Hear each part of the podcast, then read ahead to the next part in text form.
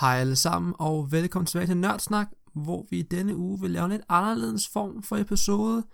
Den her gang så vil jeg prøve at eksperimentere med, at vi rent faktisk undersøger noget bestemt og prøver at svare på et konkret spørgsmål så godt som hovedet muligt. Så bliver det lidt mere undersøgende tilgang, og ikke bare mig, der sidder og har en mening omkring en ting, ja, selvom det selvfølgelig stadig vil komme lidt til udtryk her. Men det er stadigvæk Spooktober. Vi havde noget om gyser sidste uge. Og jeg synes, vi skal fortsætte det der med, og i god stil med, hvad Until Dawn ligesom handlede om, så vil jeg nu her prøve at svare på, hvorfor virker teen horror-genren? For det er overbevist om, at den gør, og i stedet for bare at sige, at det synes jeg, den gør, så vil jeg prøve at kigge på, hvorfor det er, at den øh, virker. Og ja, lad mig høre, hvad I synes om det her nye format, og ja, lad os komme i gang med det.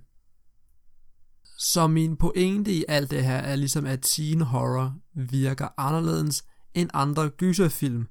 Og det er egentlig fordi, at jeg tror, der er det er mere end det uhyggelige, der er fokus på. Det er ikke bare en eller anden spøgelseshistorie, eller det er ikke bare en eller anden morder. Selvfølgelig, sidste nævne ligger ret tæt på selve genren, men det er ting såsom ungdomsdramaet, dødsfrygten for at dø for ungt og kærlighed og andre komplekse følelser, som ligesom ligger til grund for, at øh, teen horror er så godt som det er, og især også relaterbarheden i karaktererne og de klassiske stereotyper. Og jeg ved ikke, om man siger, at stereotyper de er kedelige. Ja, på en måde, fordi de udvikler sig ikke så meget, som man kunne forestille sig. Men igen, hvis det handler om let at kunne se sig selv i en karakter, så må de gerne være stereotypiske. Altså jeg snakker om sidste uge, da jeg spillede Until Dawn, at jeg følte totalt meget med Chris, fordi jeg kunne se utrolig meget af mig selv i ham. Og det virker, og det er derfor, at man får en anden fornemmelse, forbindelse af de her karakterer her fordi man rent faktisk føler med dem, og man kan sætte sig ind i de ting, som øh, de gennemgår, altså de ungdomsdramaer, den position, de ligesom føler, de har i hierarkiet, kan man genkende i sig selv lidt, og, de, og den relation, de har til de andre karakterer, kan man også selv godt forstå, fordi man er meget lettere i stand til at sætte sig i den enkelte persons sted. Så derfor, når tingene så udvikler sig og go south, eller hvad man skal kalde det, det går rigtig, rigtig galt, så begynder man at føle for karakteren, typisk måske et stykker af dem, men man vil rigtig gerne have, at vedkommende skal overleve, fordi det er som om, det er lidt sig selv, og man på selv lidt sted, og det har en anden virkning, på trods af, at det er campy og whatever, så tror jeg virkelig stadigvæk, at det kan gøre noget ved seeren, der sidder og ser, hvis man ligesom kan få en anden form for forbindelse til det, der sker på skærmen. Lige for at komme med nogle eksempler så på, hvad for nogle film, der jeg typisk refererer til, når jeg snakker om de her teen horror, så kommer selvfølgelig nogle her, og det er film såsom Scream, fredag den 13. Halloween, Motorsavsmassakren, Hostel, Final Destination, Nightmare on Elm Street, Cabin in the Woods og I Know What You Did Last Summer. Det er sådan dem, der sådan hovedsageligt ligger inden for den traditionelle teen horror genre, og også blandt de mindre kendte er der film som Sorority Row og Prom Night, All the Boys Love Mandy Lane og Cherry Falls. Det er sådan en film, som jeg vil selvfølgelig ikke vil ud fra dem alle sammen, men de film, som er med til at bidrage til det overordnede tema, jeg kalder teen horror, og som ligesom har mange af de eksempler og pointer, jeg nævnte tidligere med, hvordan de er bygget op og altså noget. Og så en af det film her, det ligger under det, som jeg sidste uge beskrev som varm gyser, altså menneskeskabt gyser, hvor der ikke er noget overnaturligt med, men det handler om selve nogle morder. Altså Mordersavsmassakre er nok det bedste eksempel på det, synes jeg. Og det bidrager bare til dramaet, fordi at man, altså ligesom om, er der egentlig blandt os, det er der selvfølgelig ikke i Mordersmassakren, men man har typisk følelsen af, hvem kunne være morderen, der er blandt os. Det kan man så selvfølgelig især se i Scream, for eksempel. Og øh, altså det med sådan, hvem, det kommer bare hvis drama ud, når det er mennesker involveret, for det gør det mere personligt på en måde. Hvorimod, hvis det er en eller anden ekstern ånd eller sted fra, så virker det ikke som et personligt angreb, så er det bare en, der spuker rundt. Ej, det, og selvfølgelig, altså, den kolde gyser er selvfølgelig også repræsenteret i det her, især med fredag den 13. som et overnaturligt menneskevæsen, der prøver at, uh, altså teenager ihjel, lidt på vippen måske, hvis man sådan kigger på den store kontekst af filmen, men hovedsageligt den kolde gyser, især også med Final Destination. Men det bidrager bare til dødsfrygten der med, at man ligesom øh, er bange for at dø ung, fordi man er op imod noget, som man ikke ligesom kan gøre noget ved, og det er særligt, at alle, har, sammen, alle de her film her, har stereotyper, som man kan genkende sig selv i. Det er noget, der gentrækker næsten alle, altså karaktererne i, det er stereotyper, man kan kende sig selv i, og som man ligesom kan finde sig i, og det bidrager ligesom til dramaet og frygten for at dø ung, som med mange af de her film her, de spiller på, både de gode og de dårlige, altså der er nogen, hvor det er bare rent splatter, ikke så meget i det, men også nogle rent har nogle karakterer, der har udvikling med hinanden, og som ligesom skal, ja, de frygter for at dø ung, på grund af de relationer, de har til hinanden, og hvem man når ikke at sige det, man skal sige og alt sådan noget. Det er, det der er meget gennemtrækkende i alle de her film her, synes jeg. Med nogle afvielser, men nogle har selvfølgelig har mere det ene og det andet. Okay, og hvad er det så, der gør, at de her film, ud fra de pointer og det, som de bidrager med inden for genren, gør, at de fungerer? Det synes jeg, de gør, fordi at man relaterer sig til karakteren, især den kærlighed og andre ungdomstemaer, såsom sex og jalousi osv., de fylder rigtig meget, det er meget de komplekse følelser. Altså man ser det, den klassiske stereotyp med, at øh, de er 8-10 stykker op i en eller anden hytte et sted, der er en eller anden sådan rigtig smart fyr, der er den, som kommer sammen med damerne, og så er der en eller anden nørd, der sidder ved siden af jer, som ikke rigtig kan finde ud af det, selvom der er en eller anden pige, han ville godt kan lide. Det er et typisk eksempel på, hvordan sådan noget drama, det kan udvikle sig. Og det sjove er, det er egentlig bare, en, det er egentlig bare sådan meget en film med utrolig meget usikkerhed, udforskning og fald. Altså, der er altid nogen, der sådan med, ej, lad os udforske det her, det lyder mega spændende. Og der er altid nogen, der sidder sådan, ah, lad os lade være med det, og sådan noget. Men igen, man har lyst til at være ham den kedelige, eller hende den kedelige type, som går altid med til det, men træder sin comfort zone og ender med at gøre noget, der er sindssygt dumt. Og kommer der så fald for det. Så det hele er med hierarkiet og presset til at være med i gruppen, og ikke rigtig være den kedelige, og som kommer ud og gør nogle dumme ting. Man vil gerne imponere hende pigen overfor, eller man vil gerne vise, at man ikke er en eller anden bange tøs, så man ud og gøre nogle ting, man egentlig ikke burde. Og det er og det er også bare, at man føler med en dødsfrygt. For altså, man har den situation der, og det kan endelig drage på Until Dawn, fordi det ligesom er en kulmination af mange af de genrer der. Altså, der er i en af, i en af kapitlerne, hvor Chris og Ash sidder over for hinanden med sådan to saver over hovedet. Og det er sjovt, at de skal jo ikke dø. Det er noget, som Josh gør for at presse Chris til at gøre, sige det her, han gør jo, men det er sådan der, hvor man begynder at sidde og tilstå alle sine følelser og sådan noget, og man, jeg skulle have sagt noget før og sådan noget. Og det var super essentielt i hele den her, med de her ungdomstemaer her, og det er derfor med frygten for at dø ung er så essentielt i alt det her. Altså, man er op imod noget, der virker umuligt, og derfor så føler man nødt til at sige det sidste.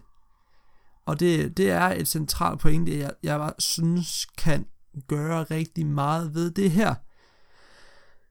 Jeg ved ikke, om det giver mening, det jeg siger. Altså, det er sådan, det er lidt en ting, hvor jeg begynder at sige en masse ting, og jeg har så mange ting, jeg gerne vil sige omkring det, og så er det bange for at jeg får sagt det hele, sjovt nok. det der, det, jeg lige har sagt. Altså, det, det er slet ikke så meget uhyggen i det hele, mere drama og spænding med, hvem der dør. Altså, vi kan lidt forestille, at der er sådan en gruppe af overlevere ude i et andet sted. Hvem bliver forrådet gruppen, for at resten kan overleve, hvis det er sådan øh, type, man kommer i. Og det er bare hurtigt sådan en opbygning af et hierarki, og altså, det er ikke så meget selve uhyggen, det er mere der med, man prøver at overleve og sikre sin plads, og altså man har ikke lyst til, at den bliver udstødt, og hvem mistænker man for at være morderne, og sådan noget, det er, det kan et eller andet, som du ikke ser i en eller anden øh, klassisk spøgelseshistorie, eller sådan noget, eller det, som, det er faktisk en genre, der ikke er særlig populær længere, sjov nok, alt det her teen horror, nu skal det altid være sådan noget dybt psykologisk noget, altså, du ser dem her, der kom for nylig Get Out, og også, jeg har ikke set Get Out, jeg så også, og den var god. Den havde bare ikke det, som den her den havde. Og så det er ikke for at sige, at det ene er bedre end det andet. Det er hvad jeg lade op til en anden episode og afgøre det. Men det bidrager bare med noget specielt, synes jeg.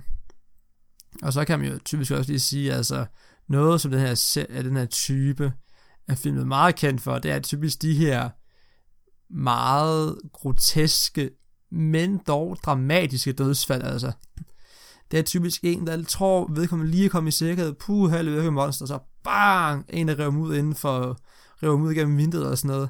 Eller nogen, der siger, åh, jeg elsker dig, og så videre, så videre, så videre, åh, jeg elsker også dig, og sådan noget, og bang, så bliver vedkommende skudt i hovedet, og sådan noget. Det er sådan nogle ret, altså, det, det, det, det er, du ser det ikke så mange andre steder. Det er meget unikt for den her genre, teen horror.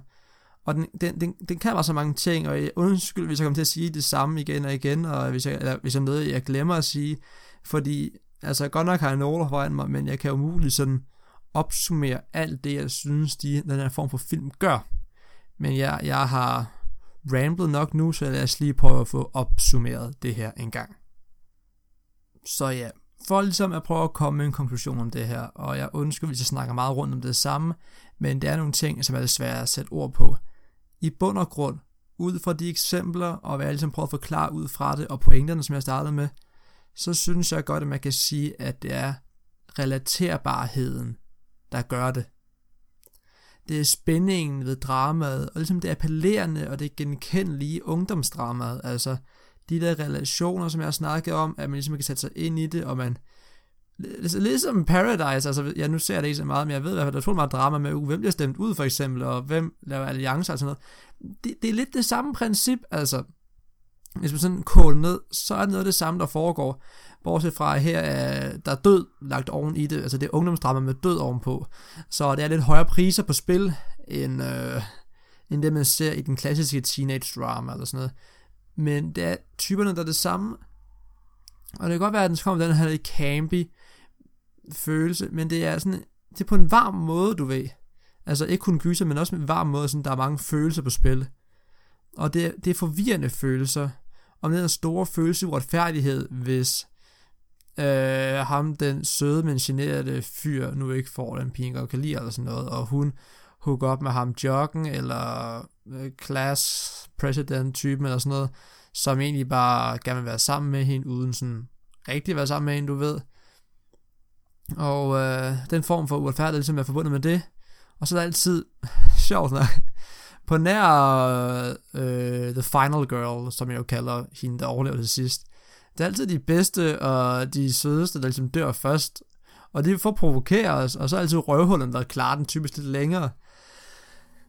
Så ja, altså det, det relaterer sig bare rigtig meget til alt det, man går og føler som ung med lidt større ting på spil, hvis man kan sige det. Så ja, jeg kunne sige så meget mere om det her, men det er svært ligesom at sætte ord på det, synes jeg. Når jeg sidder og ser sådan en her, så kan jeg bare hurtigt let finde en karakter, som jeg hæpper på hele vejen igennem, og hvis der sker noget med ham eller hende, så rammer det mig rent faktisk. Og øh, de følelser, han, han eller hende oplever, kan jeg godt forstå, det er typisk han, hvis jeg skal relatere til det helt konkret jo. Men hele drama med, hvem der overlever, og alliancer på tværs, det gør et eller andet med, om ligesom, kan de nu klare det, og alt sådan noget. Og så, hvis I dør på sådan en relativt spektakulær måde, så bidrager det måske en underholdningseffekt for nogen. Altså, det kan eller andet, hvis bare, åh, oh, du stod ned, og var kedeligt. I vores hvis der er et eller andet monster, der er sådan forfærdigt, mig, ja, det behøver jeg ikke gå detaljer med. Men ja, øh, det har været en utrolig kort episode i den her omgang her, kan jeg se. Nu er timeren kørt over. Ja, ikke så langt. Jeg er på omkring 13 minutter nu, synes jeg. Og jamen, det, det gør et eller andet. Så ja, det her det har været nørdsnak. Jeg ved godt, det måske var en lidt forvirrende omgang, det her. Lad mig høre, hvad I synes om den her nye form for episoder, hvor vi sådan prøver at svare på noget mere konkret. Og jeg vil gerne sige, at den her har været lidt forhastet, så måske derfor en virkelig ustruktureret. Der er mange ting at se til lige nu, men jeg prøver stadigvæk at give jer, der gider at lytte med, jer for at gøre det, mange tak skal I have, at give jer ugentlig øh, indhold, I kan lytte til. Men ja, jeg har snakket for meget nu, jeg gentager mig selv hele tiden. Tak for denne gang, og vi ses igen i næste uge.